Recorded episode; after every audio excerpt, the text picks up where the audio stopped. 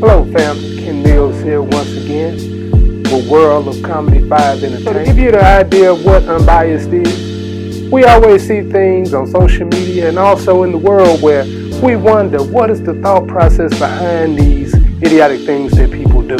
We're going to give an honest, unbiased opinion. So with that being said, we're going to cover several different topics. We're going to be truly unbiased this season.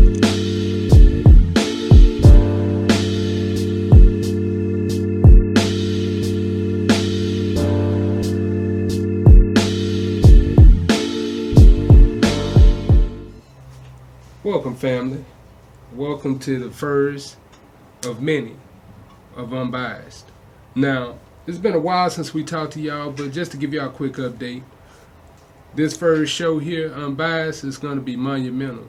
We have two legends that are in the building tonight that'll be coming on here very shortly, and y'all going to hear different stories and different bits of knowledge and wisdom that they want to bestow.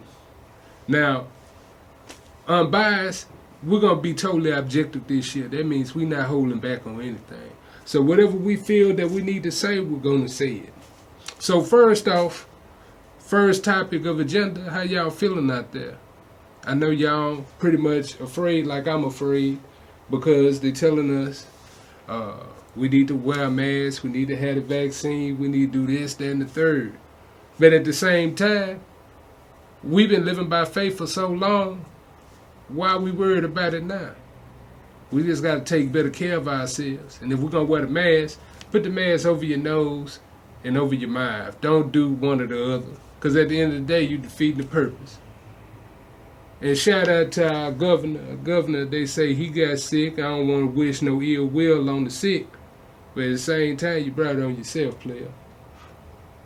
So what we're going to do right now, we're going to go to a quick commercial break. But when we return, we'll have those two illustrious guests here. We gonna start in on Unbiased. So y'all stay tuned right here at Boss Up Houston Network.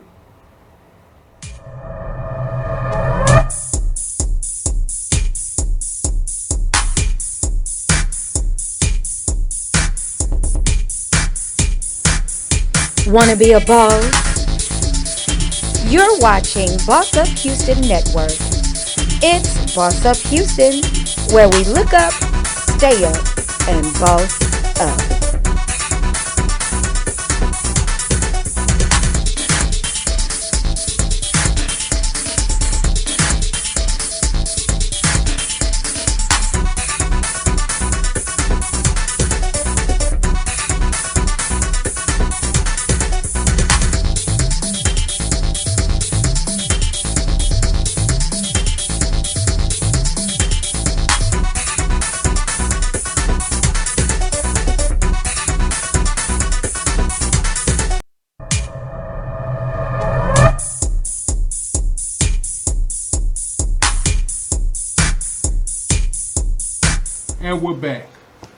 Gentleman that I have to my left, very illustrious gentleman. This man here has been a staple in Houston hip hop and entertainment for close to 30 years. You see his face, you know exactly who he is. Bring it to you now. The incomparable D Red of the Botany Boys. So I'm What's happening? man, chilling, man. Glad to be here. You know what I'm saying? Supporting my homie, the home team, you know what I'm saying? Patronizing. What we got to do. Man, it's an honor and a privilege, man, to have you here. you. Appreciate you. And the reason why I wanted to have you here because this first episode is called Boss Ish, right? Right. So we talking the boss talk. Mm-hmm. So as I look at your journey, I look at your career. You've been bossing up the entire time. Yeah. Like number one, you, as far as Botany Boys, Mhm. and it was a few others in the Houston area. Right. Y'all were the only independent Yeah. record labels that was successful for a long time. Yeah. So how did you how did you think to get started in that? Man, it's kind of like, you go back a little deeper than that, man. You know what I'm saying? To be honest with you, you know, my crew, my family, you know what I'm saying? It's, uh, Big Dez, Heads, you know, Willie, me. And, you know, it's deeper than that. You know what I'm saying? It's Pow Pow. We got a lot of more soldiers in there. We from the streets. You feel what I'm saying? Right. So when you saying boss up from the streets, from getting your game on, Mm-hmm. I got my game from the streets. You know Hmm. what I'm saying? I wasn't. I was my own boss. You feel me? We learned to boss up on our own from just doing what we was doing in the streets. You feel what I'm saying? Hmm. So, you know, it just it went to that point to where we're gonna make our money and we're gonna pay ourselves. And we're gonna look out for the clique or look out for the crew, whatever you wanna call it. You know what I'm saying? And just and as you go on making money on your own time, on your own schedule, moving your own way, your own bread, whatever you was doing, you feel me? You're not trying to go work for nobody else, you know what I'm saying? You're trying to stay independent and grow into some major entrepreneur stuff. Right. You feel what I'm saying? So that way, you know, as we led up and led up going on, it just gave you more common sense to how to learn how to do your business. Even from the streets, so don't get it twisted. You got some sharp cats in the streets that come out the streets, you know what I'm saying? You got some dummies, you know what I'm saying? Right. I want one of them, you know what I'm saying? I need to see mine, you know? So just doing that and just, you know, running my business and running my circle and running things how I want to do made me a boss. You know what I'm saying? Right. Made my boss doing it my way. Right. Cause each boss got their own way, Right. got their own rules, got their own team, got their own players, got their own playbook. Right. You see what I'm saying? So that's how I got out. Because what I noticed, and from many people that You gotta you gotta speak a little louder, a little louder. Yeah. Well, next time y'all talk, just speak a little louder. We'll edit this out. You ain't got no volume. I mean, I do this too. I do Yes, this. sir. Yeah, it, it, it does. The, our, these mics are, are made from like this, but it's Oh, like four feet away it. now, so Okay. it's not as much. You know, So to we gotta, we gotta do all that though. Nah, nah, you No, good. no, no, you good. no. You good. I just for you, the future. you just gonna edit Oh. it out. Okay. Exactly. Okay. No, no. The beginning part, I'm gonna just boost your voice Talk in the little loud. editing. But, all right, now start with your question. I'm out. All right, cool. So, going back to what you said about bouncing up from the streets, I understand that because I come from that era. Yeah. Uh, matter of fact, Yeah. my generation was right below y'all's, but I was in a different part of town. But we were seeing everything from the people that I spoke to, because I did a little bit of research. It was basically like you said, I'm taking everything and I'm putting it in my own hands. I'm gonna produce, and then I'm gonna market it. So, from the production standpoint, how did you get started with that? Music wise, Yeah. we're gonna go to the other shit. Uh, we can we can go to the other. We can go to the other. Okay, well anyway, from the music wise, Yeah. I um I used to play the drums anyway, you know what I'm saying? Man, I did everything, you know what I'm saying? Hmm. Basketball, football, baseball, and was good at it. Everybody knew me. Knew they knew me really from sports until we got in the street gang and you know, I got live, whatever, whatever. Mm-hmm. But as far as the production side, um this dude, my homeboy, my dog, man, you know what I'm saying? He um he kinda put me on back in the game on some stuff. And then we moved he moved to the music game, you know what I'm saying? And I was with him 24 7. We was rocking anyway in the streets, you know what I'm saying? So, you know, y'all probably know my boy. Um, anyway, I know a lot of y'all know him. Stuart Henderson. They know they call him Poopy. Poopy, Mhm. Poopy 84 on uh, Instagram. Mhm. You know what I'm saying? He put me down. You know what I'm saying? We, uh, we, had, the, we had a detail shop. It was called Don't Worry Be Happy right there on OST. I know y'all know about that. And uh, man, he had a keyboard now. It's, um, who was the first keyboard? Uh, a EP. What is it? Uh, uh, wasn't the SR10, it was the one before that. I forget the EP, whatever. Like I forgot the name of it. But y'all know what I'm talking about. Um, so man, we was in there, man. And me, I've been, I love music. You know what I'm saying? I've been banging music. You know what I'm saying? Like I say, before my DJ came, it was Daryl Scott. We were banging Daryl Scott music. Oh, okay. Daryl Scott, all that. You know, that was slab music back then. So I had I always had an ear for music. You know what I'm saying? When I was little, I used to just, man, my homies used to come to the highs. You know, you had them big old speaker boxes. We put in the tape. We was in school and we put in the tape, but we got live enough to go get out here and get bad and do what we do. We used to just bang out, bass it out, and see about the speaker like we was in our slabs or something. You know what I'm saying? We was kids. But so, long story short, I was getting, you know, I love music, doing my thing. So Poopy, we was at the detail shop, whatever, and I just see him always. He got into that music. He played the drums hella good too. So, you know, he was on the keyboard, keyboards, and he just, shit, I wanted in. Hmm. He put me down and started showing me how to, you know, work that EPS. That was the name of it, EPS. And we had a, we had an EPS, and we had a uh, 808 Roland drum machine. You know what I'm saying? So he was good at it. You know what I'm saying? And boom, boom, boom. And, you know, I'm always was a fast learner, man. You know, he, he was showing me about to fly up this, showing me how to do this here, how to do this here, this here. Not knowing, I don't know that one key. But thank you, Lord, for making these hits. but uh, so I started then, and we kept going on and kept going, and stuff just started getting good. It was like a natural. You know what I'm saying? Right. It just came into you like a natural. If you knew a sound and you knew where you wanted to go with that sound, I play by ear. Hmm. You know, what I'm saying? I know what I want to hear, and I always knew what people probably wanted to hear and how they wanted to ride in their trunks. You know what I'm saying? So it just kept going on and on and on. We was in there every day. My homie used to pay us by, man, D Red that tripping, man. That nigga left the street, started messing with pianos and playing music and all this here. You know what I'm saying? Yeah. So, but I know we still getting down, but that music thing had got real, real serious for me. So me and Poop was in there 24 7. I'm talking about all night long, drinking 40 ounces of old Henny, smoking weed, making making music. Mhm. So, and he had a group called Coppertone Conspiracy that he was pushing, Pop them and uh, POP and his crew and all them, Marcus, them, um, KJP, a lot of them. He rocking with that rap group. They was hot. They probably still know Pop, you know what I'm saying?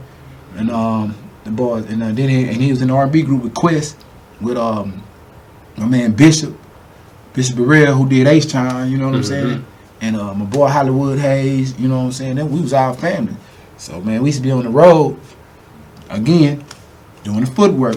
Posters, we going to Dallas, we going everywhere. Jack the Rapper, you know what I'm saying? Posting up stuff, getting on. I'm talking about, I'm, not, I'm no no cap. Back then, spent three hundred thousand dollars in the music game plus, and that was a lot of dough when you spending three hundred thousand dollars in the music game Yeah. off your money, off you know what you how you get on. Yeah, it was, it was you know my boy Poopy, he he put me down like that. So like I say, he told me that keyboard I went to pecking, pecking. And one day he just he left me alone with that boy. You know what I'm saying? I just kept at it, kept at it, kept at it. And then first thing, thing you know, oh boy, that's jamming. That's what do. That's live. We just connected. Hmm. His style and my style. And you know what I'm saying? He just he was really good at that shit too, MSR. But he he just kind of faded back. You know what I'm saying? And we started doing other things. They had went moved to Cali, had a little family. He got started, so I kept pushing. You know what I'm saying? I kept pushing. So I'm gonna give my hats out to that nigga, that dude, cause he he put me in the game with that, and I just kept going, never stopped. You know what I'm saying? And then, you know, we um was rocking with them, and I just said, man, one day I went to the hood, to my block, and went up to the circle over there in Cloverland. and All the fam was over there, the whole botany crew. We was like, hey man, man, let's start a rap group. From then on, and then them niggas, we already rapping and doing this here and going to screw house and all that. From then on, it was on. No look back, no turn back, no nothing. Then C had a, uh, all of a sudden, for the coincidence, C note had a EPS. It is high. I ain't one of my highs. Or did I bring one over there? It don't matter. We went to the townhouse, man. We sit there. I think we made an EP that one night. Hmm. We all linked up. We went over there and made an EP, a Smoking Lean EP that one night, and it just took off from there, dog. You know what I'm saying? that smoking and leaning was That was the jamming. first EP we did. It took off from there, cause so, you know, and we mind you, we was already known in the street from the whips and whatever else, and yeah, yeah, yeah, yeah. So we had a bunch of we had the promo whip behind it. So when that dropped, we put them on the album cover with them blades and the bourbon and a big Dez trophy truck, whatever, whatever, and it went down from there. We ain't really just turned back. We just started moving forward, bro.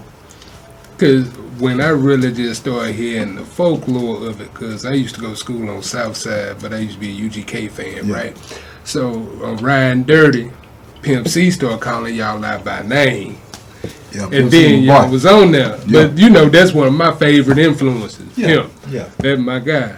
But Yeah. um, Pimp, man, to be honest with you, and I'm for real. Pimp, them and, and Bun, them, them, them dudes was like, we was fans of them, they were fans of us. And that's real talk. You know what I mean? I speak on what I say, man. You know what I'm saying? That was real talk. Like I said, it's a lot of stuff out here these cats be doing. They really don't know what's behind and what's the real. Hmm. You know what I'm saying? Pimp was my guy, man. My dude. You know what I'm saying? Pimp was gonna look out for us right before he died. I met Pimp. We was in um what's the strip club on Richmond? Onyx. okay, Man, a couple days before he, he was telling me before he went to and whatever happened to him, his soul. D Red, man, don't worry about nothing. I got y'all now, boy. I got the distribution. Yada yada yada. Y'all finna get this 85, 15. man. You know, come out. I got y'all, man. You know, we finna come up. It's going down when I get back. You hmm. know what I'm saying? That's how me and Pimp used to rock. And then me and Pimp was rocking before then, going downtown, hanging out in the club and shit, doing our thing. You know what I'm saying? That was my dude, man. He really was. He really. It wasn't even about no music or nothing. We was partners. right. You know what I'm saying? He was they was watching us move and we was watching y'all move. You know what I'm saying? Independently though. Mm-hmm. We independently though.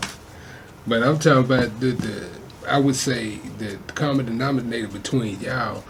When I listen to y'all music, I believe every word. Same way Yeah. with pimping them. Streets. Yeah. You see what I'm saying? Yeah. And, and one thing that you kind of alluded to with the screw, with the screw era, y'all was a major proponent of that. I mean, y'all was the main folks in that. Yeah. Um, even before it was stuff that was sold by big time and stores, y'all was on them gray tapes hard. Oh yeah, we was on a great day hard, you know what I'm saying? Like I say. And then like to be honest with you, them cats kinda know we we was one of the first cats groups out the screwed up click to drop a EP for the set. For the screwed up click and the screw. You know, that's why I hate I wish Screw was still here living right now today. Cause he'll sit up and tell you the truth. Cause a lot of these stories out here, man, they not everybody not really telling you the full truth, man. You know what I'm saying? But you just gotta sit back and let them have their fun with it. You know what I mean? So, kind of give me an example of a story because I know there's been a lot of misconceptions that have been going on because people are coming together doing different movies about Screw Man. or having different interviews about Screw or even like, okay, I put it to you like this: if I'm 40 and I was a young buck going to Screw House, going to go t- get tapes or going on Teton to go get them tapes, right? imagine the folks that's under me like 34 35 and they had these older guys come to them and they rappers and they say yeah you know screw my people this that and the other. You the plug. Let me get you this that and the other. Kind of tell us what what you seeing that that may be false or may be a misconception. Man, a lot of it false. okay And like I said, I stand on my word. Mhm. If anybody in a screwed up clique, I don't care who you is, man, if them people come to you and you you start naming and then you just bounce around that botany name, hmm. not saying we this and we that, but if you bounce around that botany name, mm-hmm. man, you tripping. Hmm. You got a little haterism in your life. You couldn't really fade what we was doing or however you was doing, not just capping and talking down on nobody. You know what I'm saying? Because it's like every time them screw people come to town and look for the screwed up clique, they like they scared to say our name, which a lot of them cats wouldn't even want to, was kind of nervous to come around because they didn't know what we was thinking because we was hearing all the jaw jacking they were doing because we was about that life. Mm-hmm. You know what I'm saying? We grown now, so y'all cool. You know what I'm saying? It's all good, you know? So it's like, in some of the stories that's being told, man, is not being all the way told because you, it's like history, his story. You feel me? Mm-hmm. They got everybody got different stories of what they did with Screw, how they did with Screw, who did this, who did this, and some of that man is like sixty percent true. You know what I'm saying? Even like you say with the movie gang, how they people coming down here trying to put movies together, and these people putting screwed up click albums together, man, that that ain't right, bro. You know what I'm saying? because Cause half of them, half of them cats ain't even in the screwed up clique. A lot of cliques is doing is don't know nothing about the screwed up clique. You know what I'm saying? so would you say that those folks are like hangers on or people that may have been around came around or whatever it's a lot of been arounds. Mhm. You know what I'm saying? It's a lot of been around. I don't care what you do, how you do, whatever you got going on. It's a lot of been arounds, man. Saying they were this, they was this, they were this. Yeah, you know, you know, no disrespect to nobody, but man, if you wasn't really there to see a lot of that stuff, man, you shouldn't even talk about it or be about that, man. You know, cause I ain't gonna lie, I be kind of frustrated about it, but now it's to the point to where I'm at peace with it. Cause my dude in the ground, I know he turn around flipping. I'm at peace with that. Cause a lot of these cats is doing this, man. They know they ain't doing the right thing, man. And to be honest with you, me, we screwed up click. Mm-hmm. I don't have to put SUC behind my name every time I do something or how we come up in the game. We stamped our name with Botany. Hmm. Botany Boys. You feel me? Our own name. We ain't really wasn't putting SUC behind that name because people knew who we were. We did it, we do it, but we really never hardly did that. We always know who we was. A lot of these cats out here right now today, and again, I stand on what I say. You know what I'm saying? Y'all can see me. Y'all wouldn't be jack if you didn't put that SUC behind your name. Real talk. Hmm. You take that SUC off a lot of these cats' name, it wouldn't have been nothing, man. You know what I'm saying? Because I see a lot of cats paying homers and, and just using that man name, you know, just for a come up, to get money, to do this. You know what I'm saying? So you can get some kind of revenue, somebody to come and check you out to say you screwed up click. Because you can say, anybody say they screwed up click, they going to get a screw screwhead to check you out. Mm-hmm. And that's guaranteed. You know what I'm saying? Screw is a major factor. I'm like, don't get me wrong. But without him, a lot of them cats wouldn't be nothing. And I stand on that again what I say.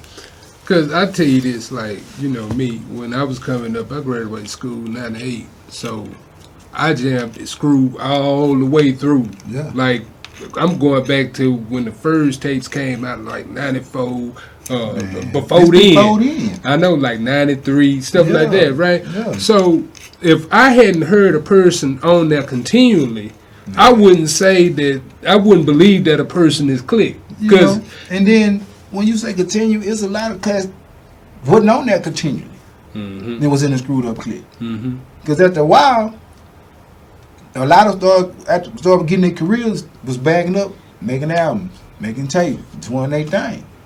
You know what I'm saying? And that's just how it was. It got to a point it was every now and again, you know, type of thing, go and do your thing. People started making careers out themselves and doing that. You know what I'm saying? Which was cool.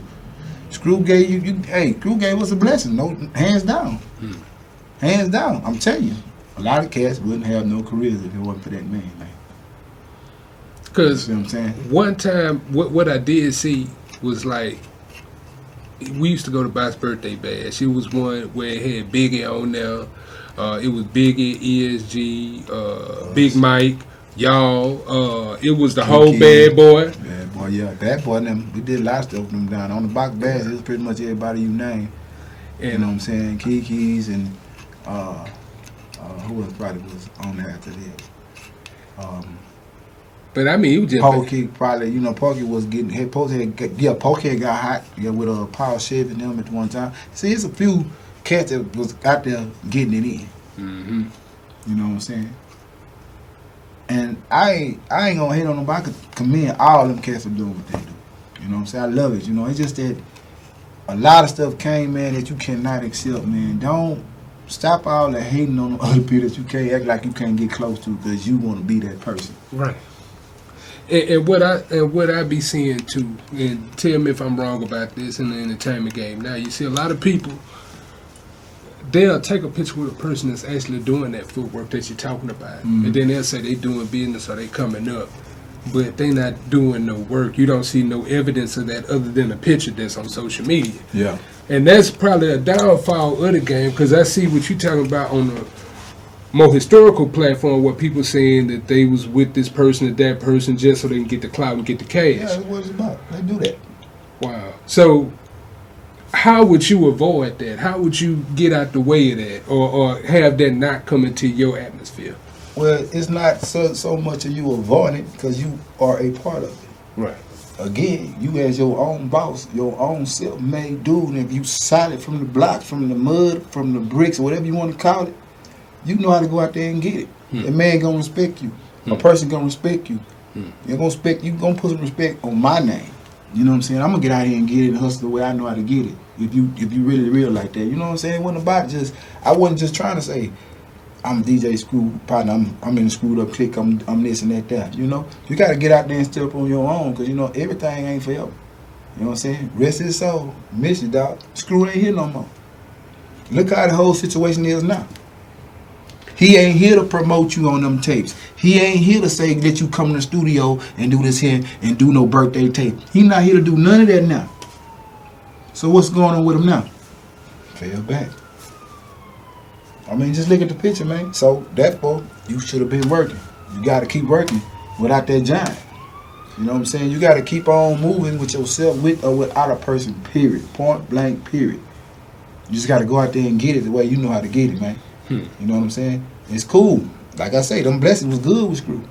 But the man is gone, resting and, and doing what he doing. It's a lot of people just got the whole game misconceived, man. I don't know what's what. You don't know what's what in no event. Like these people, like you say, they throwing events. How you gonna throw an event without the written screwed up click people, man? How you, it's not hard to get in touch with certain people. That's just you on that front.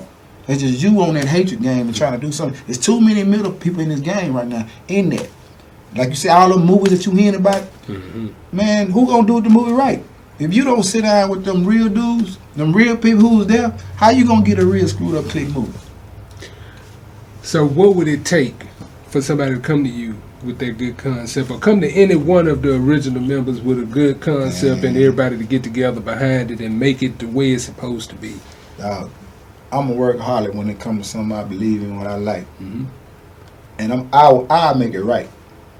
Matter what people think about you or what they do, I know how to make it right. Them people just not coming to the right people and saying we got this bag for y'all, but you got to get this done.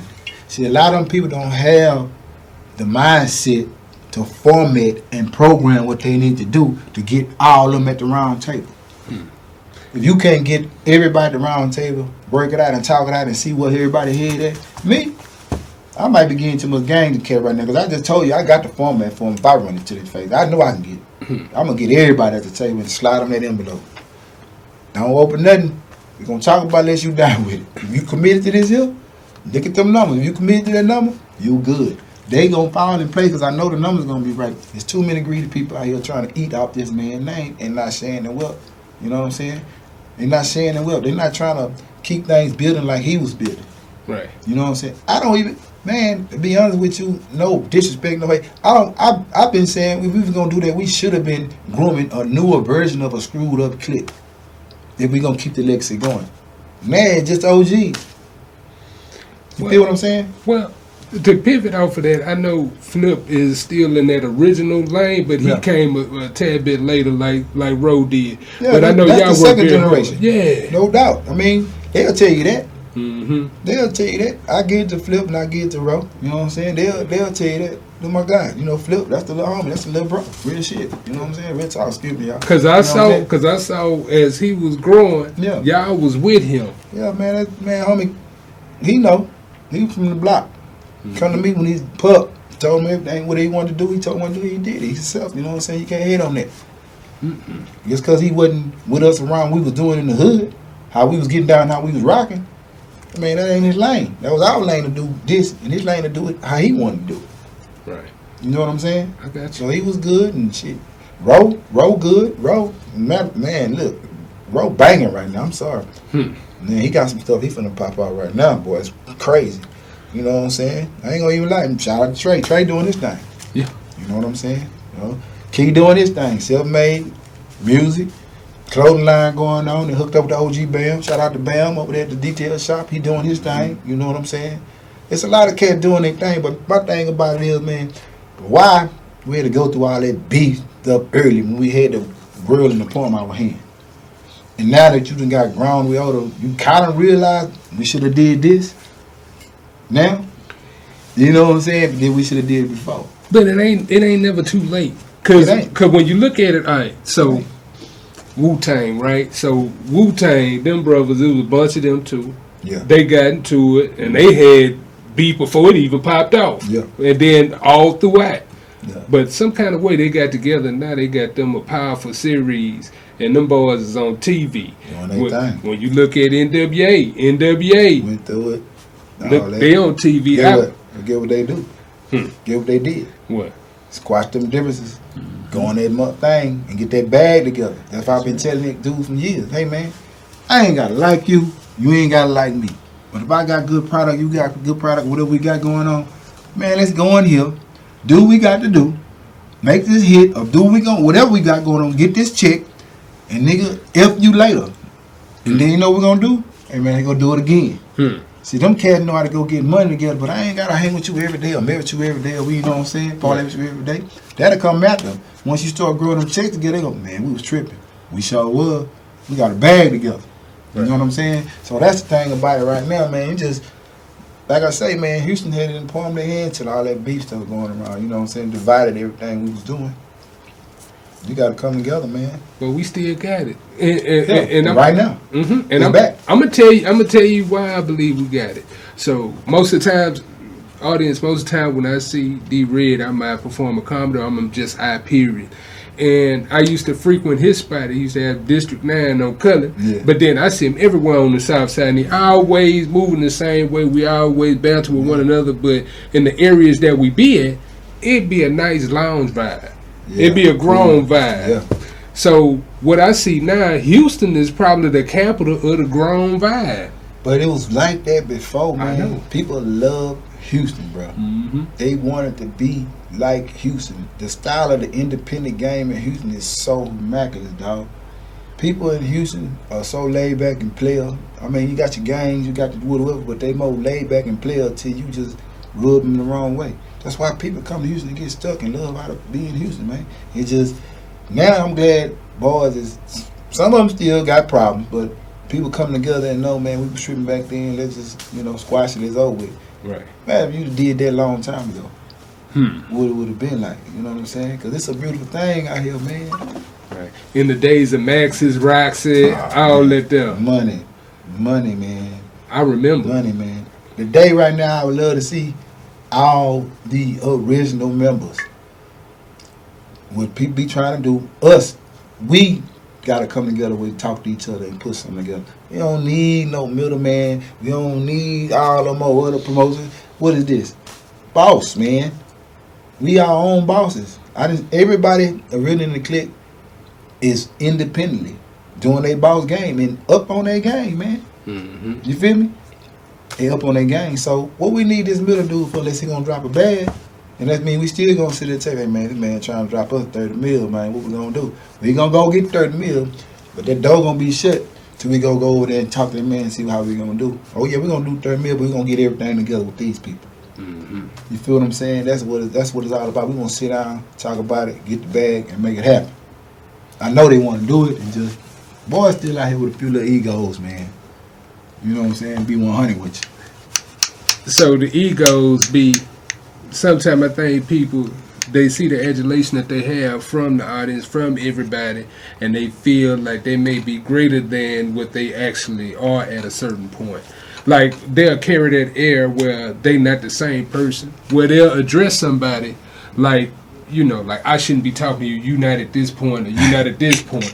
Like my daddy used to always tell me, he say, "The feet you step on gonna be connected to the behind. You got to kiss later on." Yeah, man. You know what I'm saying? Just cause you you could be on right now, Mm-hmm. but that dude could be on later. Mm-hmm. So you on right now, when he get on later, what he supposed to do? Hmm. We supposed to come uh, poo poo on you like you did him? You know what I'm saying? Right. And you, you just gotta pay attention, man. You like you say, you reap what you sow. You know what I'm saying? Hey man, call me as good as for real to come back and hit you, man. You know what I'm saying? So you gotta really just sit back in this game, man. and Just humble yourself. You know, because I remember one time some of these cats be acting all funny, don't want to take pictures with these fans and all that. Other. Man, you got to do that. These people spend money with you. You know what I'm saying? And just don't be acting like you greater than nobody. Because, man, God made us all equal. Hmm. You know what I'm saying?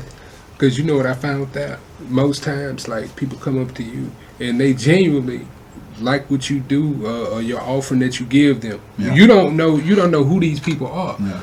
Uh, one time I did a show and a person walked up to me and they was like, "Hey, you know that was good. This, that, and the other." I didn't brush them off or nothing. I was like, "Hey," we started talking. Turned out this man was a doctor. This man a doctor, and I went through my health struggles. This man was able to give me some game.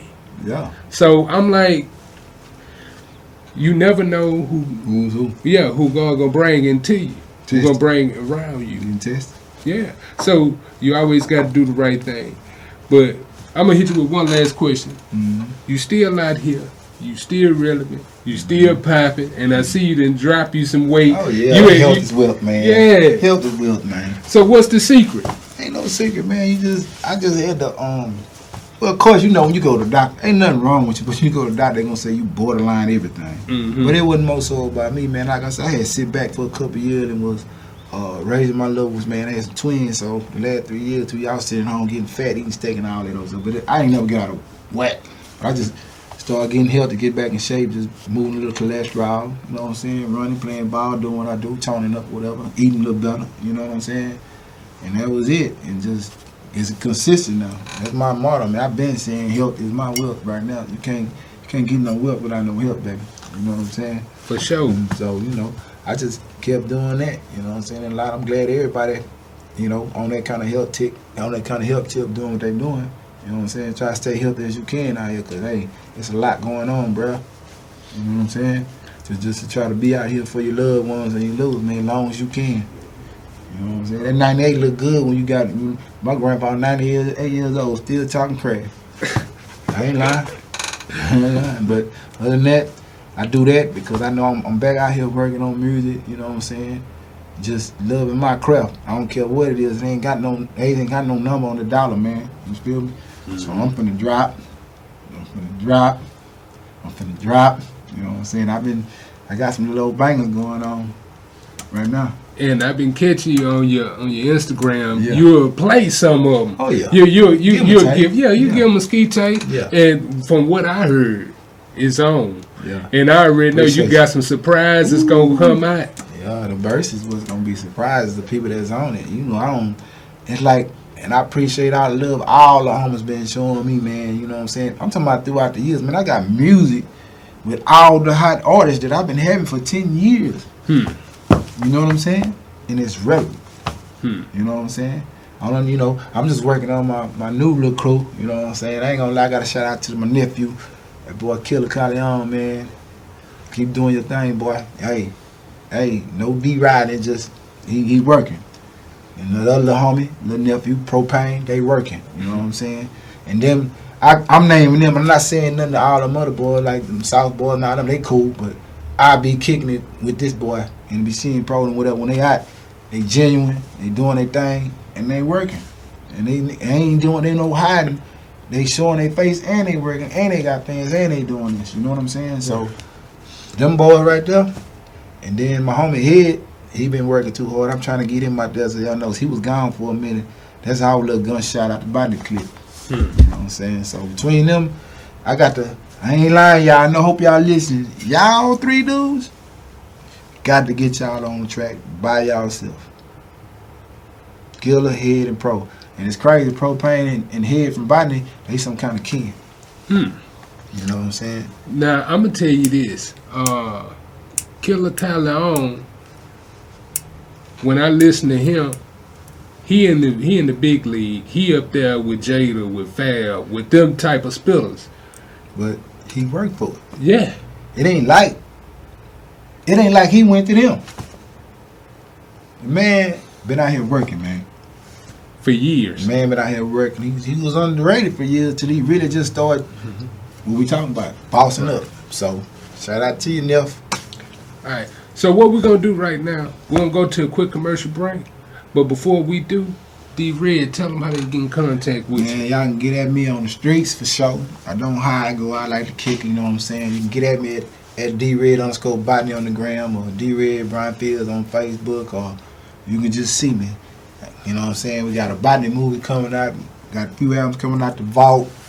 I got uh I got this one called Team Legendary coming out and I got one Screwing the Dick. That's what I'm pushing on right now. So I'm finna go and put a little taste out here, get this sound back, do my thing, you know what I'm saying? Bring that music, that, that music back, little, little groove back, the groove thump. Hmm. My little nephew and them, you know, they they cool, they be on that battery, they the boy throat, but I'm at to, I'm, I'm trying to calm them down a little bit, let them get kind of groovy with it, you know what I'm saying? Put some funk on. Yeah, funk, funk beef, funk, Yeah. funk, funk battleplex. You know what Yeah. I'm saying? Yeah, yeah. So, but y'all look out, man. I'm here. Like I say, get at me at D Red underscore Botany on the ground, man. Inbox me. I'm, I'm looking to work with some more artists, and and I'm finna do a um, a live compilation. You know what I'm saying? I'm all in for the work, man. So y'all get at me, man. Straight up. Just humble yourself and be real about it. Hmm. Don't act like you better than the next man. Just be yourself and do your thing. You gonna go a long way, homie. That's right. So thank you, D Red. Thank you for Sure. coming through. So anytime, bro. Already. Yeah. Now, family, what we're gonna do? We're gonna go to a quick commercial break, but when we return, we'll have our last illustrious guest. You're now here with Ken Mills and Unbiased, and I told y'all we're gonna be talking some real stuff tonight, and it ain't over H time already.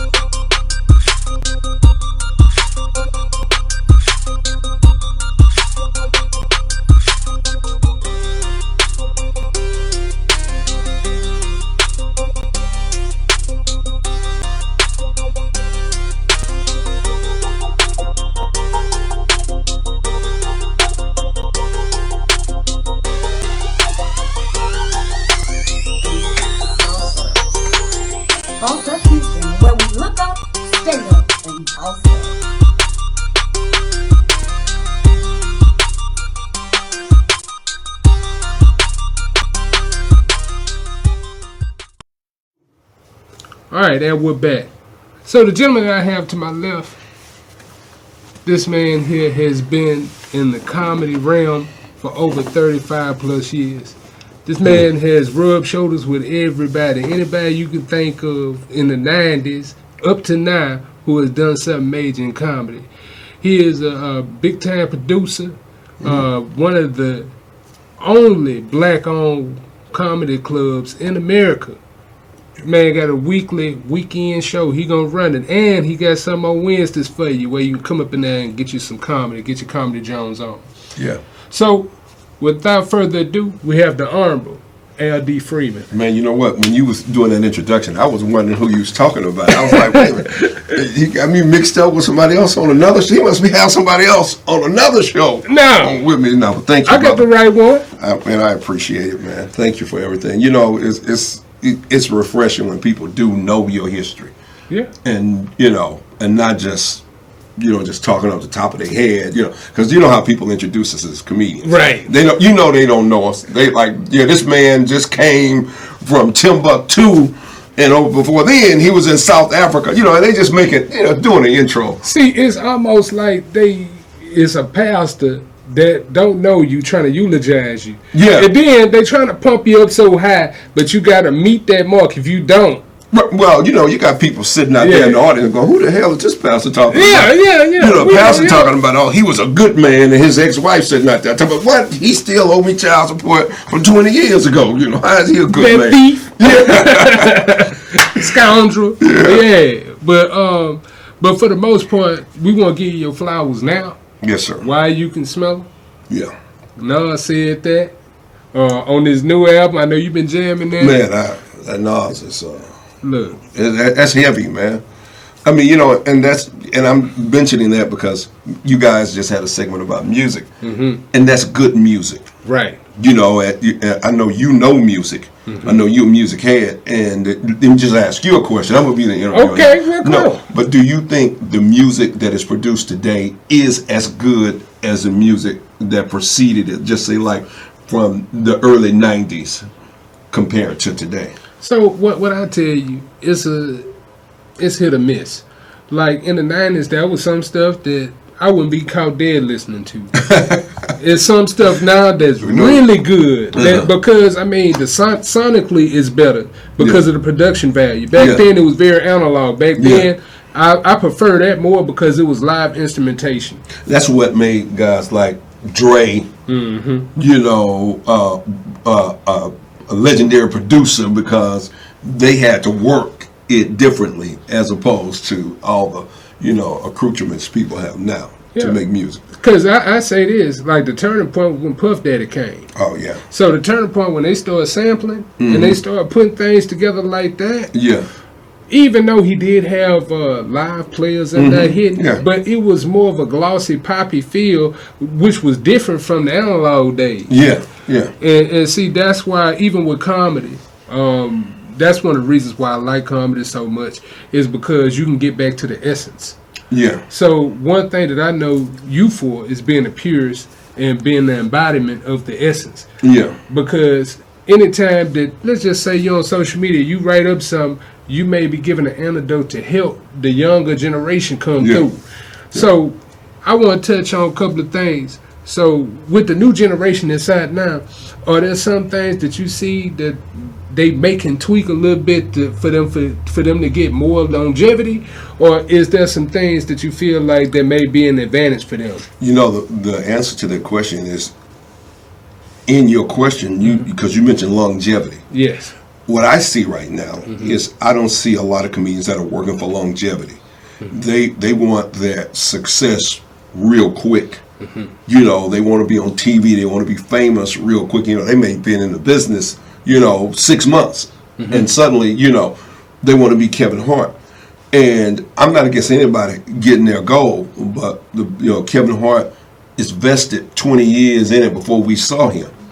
So, you know, he's been down the road. He, you know, he's seen every trick. He's been in every club. You know, he's done every possible situation you possibly can do as a comedian. So when you see him, you go, "Wow, Kevin is great," but he's practiced. You know, he's a professional, and I, and and I think comedians should just relax. And take their time. You know how I tell you, don't mm-hmm. rush. Right. You know, it's it's a it's it's a journey, and you want that time in, so that when you, for instance, if you have to go and you have to entertain in the Cayman Islands, Georgetown, Cayman Islands, in, in a nightclub there, well, then the type of people you're going to see there are, are going to be people international from all over the world. You know, there'll be people sitting in the audience who don't even speak your language, but they sit in the audience with their wife having a drink because that's the club, you know. And, uh, or, you know, you'll see people from every state in the United States visiting, and they're from Jamaica, Africa, or whatever. The audiences are very diverse. So, how do you make them laugh? How do you make everybody laugh at the same time? You know, that takes experience of being in front of those people once or twice before. So then you can entertain everyone. But if all you have done is Houston, then when you get in front of an international audience, you you may have one or two people that you're really connecting with. Right. And and the thing about comedy is you want to connect with the audience. You want to you know be able to touch everybody, have everybody kind of you know fall into your web, so you can you can deliver whatever it is you you know you want to say. So, throughout your entire journey, because it's definitely been a journey, Yeah, it's Left been amazing. Man. you left here and went to LA for a while. Yeah, I did. I I I went to well, first of all, I I was a theater student at Sam Houston State University. Okay. I got a scholarship in acting because acting is really my first love, my passion. And uh, I mean, I've wanted to be an actor since I was a little. Well, I actually wanted to be a comedian too, but you know, acting was was the thing for me because my mother, you know, admired people like you know uh, Sidney Poitier, Harry Belafonte because they were classy dudes. So I, you know, I wanted to be a classy actor like that. So I studied acting and got a scholarship, went to Sam Houston State. And then this acting school, the American Academy of Dramatic Arts, they have one section in New York and another one in Hollywood. They they would audition every year around the world for uh, seniors, you know, seniors who were getting ready to graduate with their college degree. And then they were like, hey, well, come on here and get this extra school. It, would- it would almost be like graduate school is what it is in acting. You know, it's the number one acting school in the world. I mean, some of the, you know, the most legendary actors that's ever been in the industry, you know, also attended there. You know, it goes all the way back to Spencer Tracy. It comes back up to, you know, you know, Lamont Wilson, you know, uh, Elizabeth Redgrave, just some of the greatest, you know, actors. And uh, so they came to our school, to Sam Houston State, and they were going to audition, you know, seniors. Well, me being the busybody freshman that I was, I went into the audition as if I was a senior. yeah, I told them I was a senior. You know, I talk real good. You know, uh, you know, especially you know, I get in front of white folks. I think I can just you know sell anything, right?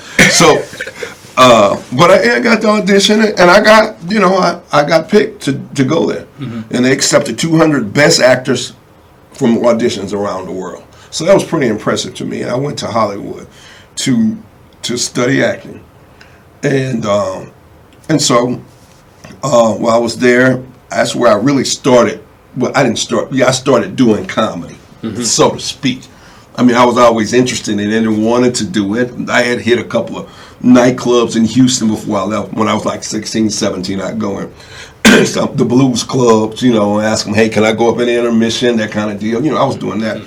But I, when I got to Hollywood, I went to the comedy store to audition because I, you know, I had heard that if you wanted to do comedy, you have to play the comedy store. That that's the, you know, that's that's Mount Olympus for comedy because that's Pryor, that's you know Jay Leno, that's Redd Foxx, that's Robin Paul Williams, Mooney, uh, Robin Williams, that's you know Arsenio Hall. It, that's everybody. You you know that's the place you want to hit hit the stage. So I went up there as an amateur night.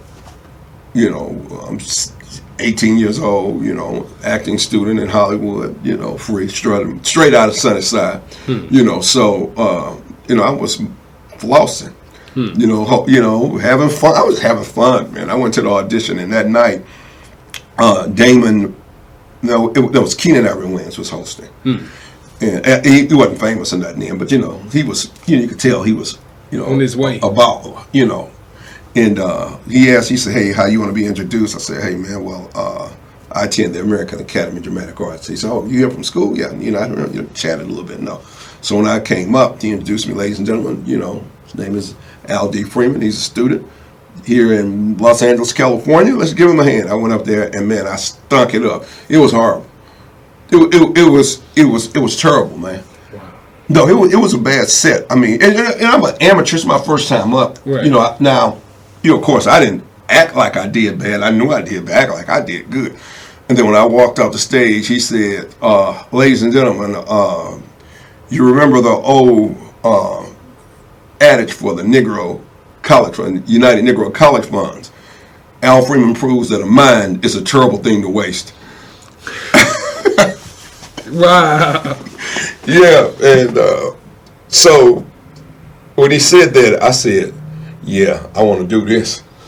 Hmm. Yeah, I'm coming back. That's all right." So I, you know, I messed around a little bit while I was there, as much as I could, because one of the, the contracts with the acting school was that we couldn't do anything outside of school. Mm-hmm. They didn't want us really going to any other theaters to work or doing, you know, trying to get any parts. They just wanted us to be students. So, yeah, I was trying to, you know, keep it low. So that that was good, man. It, it really gave me the groundwork for when I went back to work for Steve Harvey in in Hollywood a few years later. Well, uh, several years later, um, I was a producer on his television show called uh, Big Time. Oh, okay. Where, where you brought the children and they had like a It was a variety show. It, it, it was really a good idea because it would, you know, it would have given Steve that light he was trying trying to get of being really mainstream because it was a show about people who do the craziest things and they'll come on TV and do them and Steve will, you know, give them their shot to be in the big time. Right. And uh, so that was, you know, I I lived there again.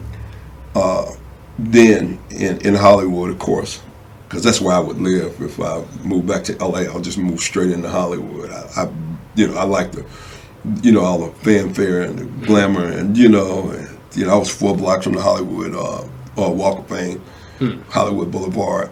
I could see the Hollywood sign from my living room window of my apartment. You know, so I was, you know, having fun you know, producing and and uh, and I was doing comedy. Now with Steve, there was no limitation. We do comedy, you know, whatever we wanted to do. Of course, you know, being with you know great comedians like him and J. Anthony Brown and Sean McDonald, you know, I got to do a lot of comedy though. So I know Rushion McDonald originally from here, but he's more behind the scenes type person now, right? Well, he's a major producer. I uh-huh. mean, he is he is one of the top television producers in the industry. Mm-hmm. I mean, so Rushion is big time, man. I mean, he was you know they called him the architect of Steve Harvey because he was a very funny comedian, and he used to own the uh, the hip hop comedy stop, which was the first black comedy club. Well, essentially the second black comedy club, but the first big time weekend club that brought in everybody who's famous now before they was famous. You know, really, you said the Entertainer, Eddie Griffin, you know, or Chris Tucker. Everybody came through the hip hop comedy stop during those few years that they were open. So that was his club, and he hosted, you know, on think Saturday night, and David Rayburn hosted on Friday night. So he was a funny comedian, and Steve Harvey had a club in Dallas at the same time. So when Steve really got the call from Hollywood, hey, we want to give you a shot, we're going to give you a television show, he hired Rushion and J. Anthony Brown and some other folks, you know, to come to Hollywood with him to, you know, to build the empire that they have now. Ricky Anderson was another person that was in there. So, you know, Rushion is major, man. And uh, he when when when that happened, or when Steve really started to roll, Steve's manager passed away. The guy he had been with, Steve was a very loyal dude. So, you know, the dude he had been with since the beginning of his career passed away, and Rushion stepped in as a, as the manager at that time when they were just building this thing in Hollywood, and Rushion being, you know, the super intelligent brother that he is, you know, degree in mathematics from University of Houston, uh, went to Forest Brook, as a matter of fact. Uh, he he he they built a major thing with radio, television, writing, film, you know, all that kind of jazz. So uh, yeah, Rushion. As a matter of fact, I credit Rushion with the success I'm having at the uh, Speakeasy Comedy Lounge because a lot of things that I saw him do back then, business wise and booking wise, I kind of use those same kind of ways to make sure that you know So, it's successful. so you you all just had the first anniversary of producing at Phil Well, right? let me tell you this. It, it, uh, last weekend was uh, the official first anniversary of it because Stephen K. actually started the night. He did the very first show at the Speakeasy Comedy Lounge, and it was just a one nighter. And at the time, they were he wasn't sure whether he wanted to do it or not. He was just like, okay, I'm gonna try it. You know, he and the owner said, we're gonna let me try it once, and then if I like it, I'll you know I'll continue and you know go on. So he did the show, and out and uh, the a couple of days before, Oscar McGraw called me and said, hey, listen, I got a friend that wants to do a comedy club, you know, at Phil and Derek's. And I said, oh, Phil and Derek's, they having a show there. I said, yeah, but they want to do, you know, I think he wants to do a weekend show, or or at least he wants to do more than just one nighter. So we met and we came up with the idea to do the weekend. And and as I said, having had 35 years of experience in comedy traveling the world basically doing comedy and opening up for you know Chappelle and Kevin you know and Steve and Chris you know and Mo'Nique and basically everybody you know uh, pro, not pro, uh, uh, Dolomite my favorite oh, Rudy Ray. Rudy Yeah. Ray, you know, uh, Dick Gregory, my idol, of course, uh, Paul Mooney. You tell me, so, you know, I knew what to do, and by that time, I had I made so many friends in the business that I, you know, I can get who I want really within reason. You know, of course, money is always a factor in everything, but um, so yeah, it it was easy to to transition into making that weekend successful, and we did. And so that you know that that weekend that I started was the following weekend, which was like the twentieth and the twenty first. This one. So this is the official anniversary of when I started, but not when the club started, though. Right. Because if I if I remember correctly, uh, Cool was at the first one. Yeah, cool. Uh, Trey Tutson, Grady Pruitt, and St- I can't. I, I, rem, I can't remember the other guy who was there. But I remember, I remember when that first happened because, number one, to be honest with you, before y'all even started doing Phil and I never really went there. Yeah. So, because I always, you know, it was a different vibe. Yeah. But as you guys started to do it, I started to frequent it more. Yeah, And it just opened my eyes to the type of atmosphere that it is. It's very grown and yeah. sexy. It's very it is. exclusive. It nice. is. It is for the grown and sexy, mm-hmm. discriminating adult. Yeah. You know, I tell my, my my male friends all the time, particularly the ones who are single, Mm-hmm. not really the ones who who marry because they don't need to be even over there. I I say that there are a lot of You see beautiful. why I said what I said. It's a lot of beautiful ladies there, and they come in. They look good. They come in and enjoy themselves. You know, it's a nice menu. The patio is nice and you know jazzy and eclectic and groovy, and you know. Then of course we got the comedy lounge, so it's a nice way to spend an evening. So most people who come there now, they've never been there before, but they become regulars though. Easy because even if they don't come back to see us again, and generally they do, they will go next door to hear the live music. So it's it's a good weekend. Right. And uh, I applaud you on that because what you've done uh, for Houston comedy throughout this year, you've made sure that most of the, the major comedians that are here had an opportunity. Well, I'll tell you what. Um, a lot of brothers that I know and who I respect in the business weren't going to get the opportunity to play the A rooms on the weekend, like the improv. You know, which is really the only A room in town. The, the secret group is maybe A minus B, but and that's a major place. But I'm just saying that you know, when I created it and uh, and then we're at an A room level, I wanted African American comedians an opportunity to headline, to make some money, to to you know, be a, you know, be in the business in downtown, you know, high profile. Right. So I, you know, you're right. I primarily have booked a lot of guys who, you know, who are our friends. I'll say, Right. our friends in the business. Right. So yeah, that's that's uh, that's one of the the real joys of it for me, is being able to put my one of my brothers and sisters on stage and, and hand them a, you know, few bucks, you know, for uh, their time. That's that, that's that's respect in comedy. Yeah. When somebody pays you to do something, that's respect. Because most of it, as you know, is open mic. Right. Yeah. Right. And and, and, most of it with open mic or, or other other things, there's an ethics to comedy that a lot of people do not know. So Yeah. by you being one of the elders, mm-hmm. can you give us a little bit of what those ethics are? Hmm. Uh, and you're right. I, I am one of the elders. Um, I actually, I there's only one person that's been doing comedy longer than me that lives in Houston or that even speaks into a microphone. If they anybody who speaks into a microphone in comedy hasn't been doing it longer than Andy Huggins.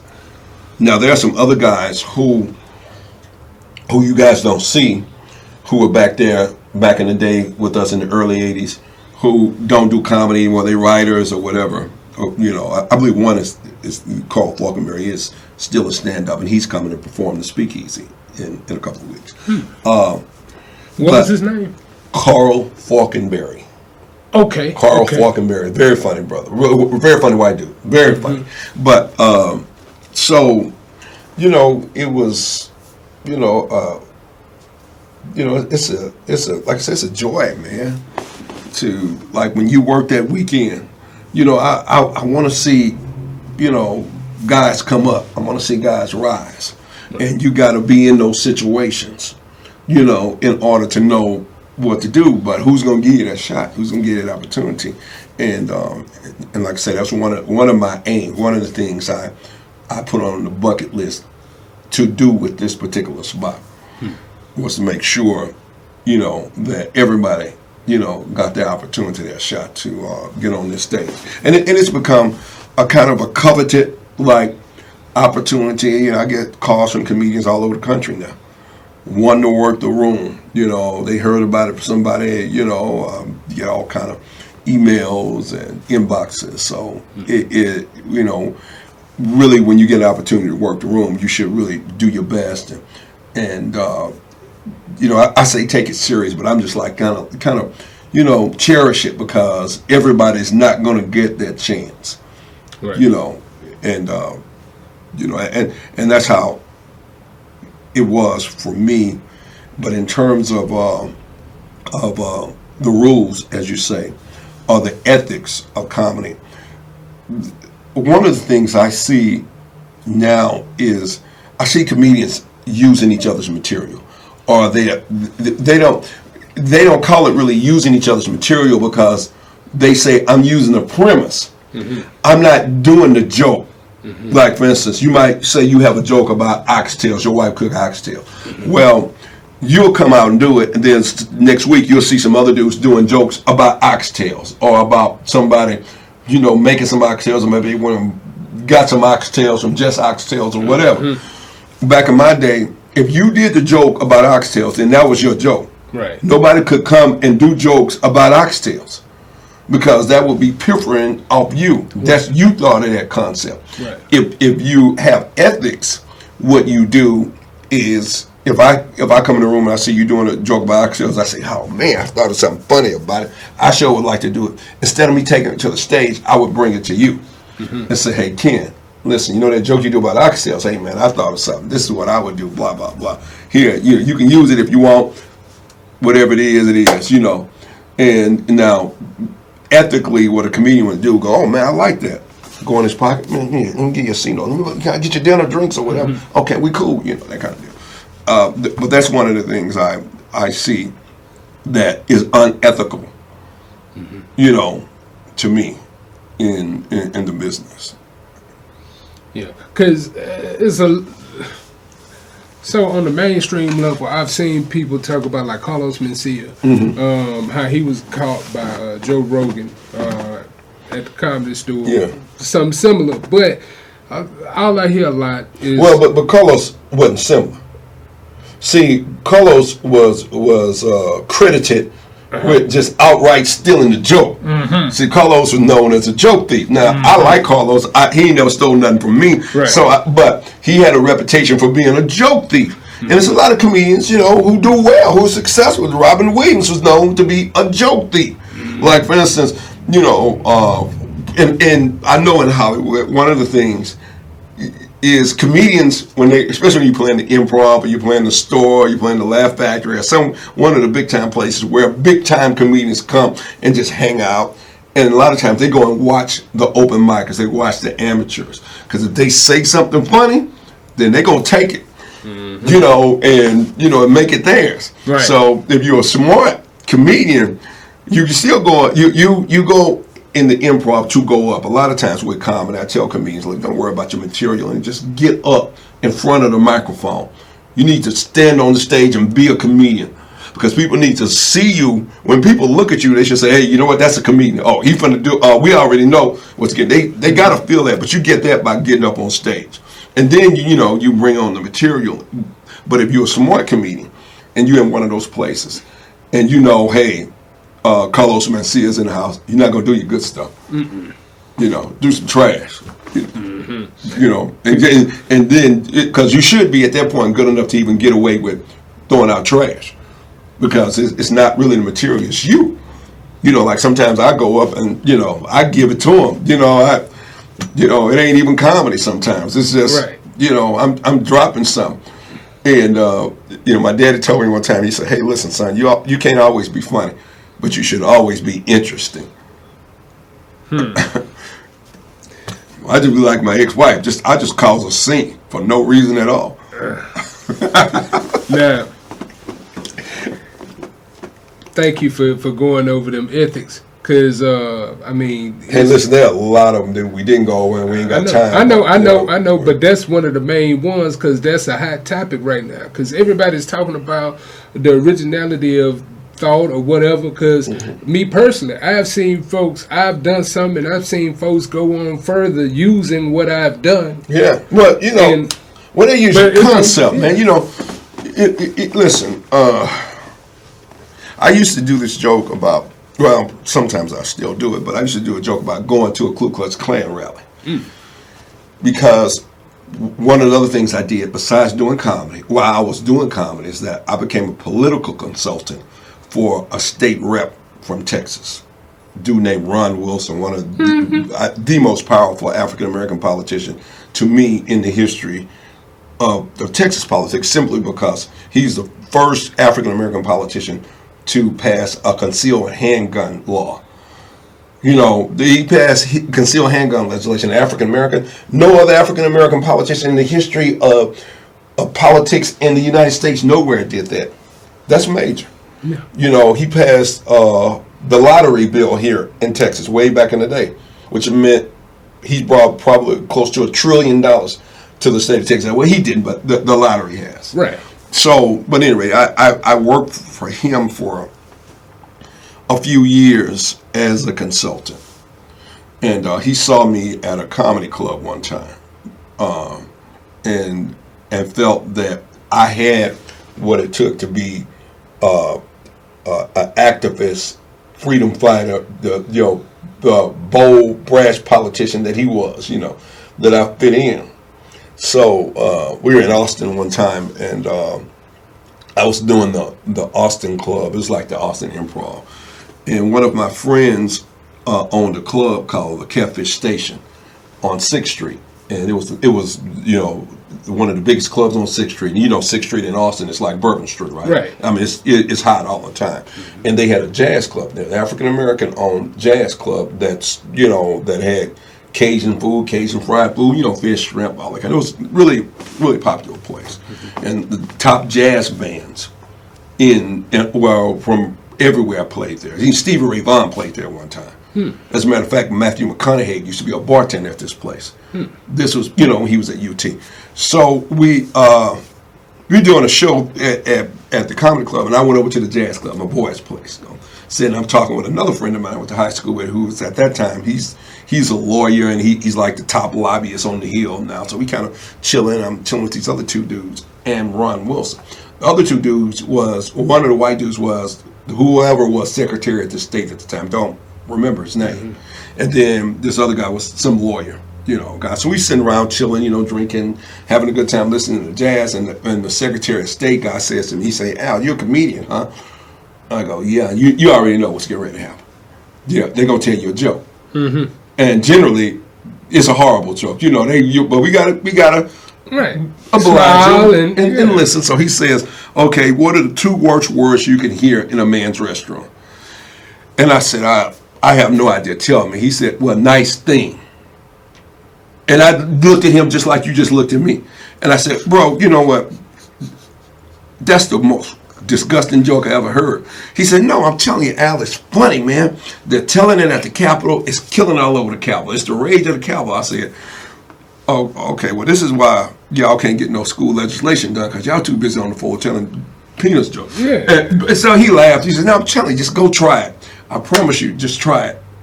I promise you it's going to work. Can you just promise you, you're going to try it tomorrow night? I go, okay. Said, I'm coming now. I'm going to bring some friends with me. So he came and Demetrius came and and Ron came and uh, he he sitting on the front row.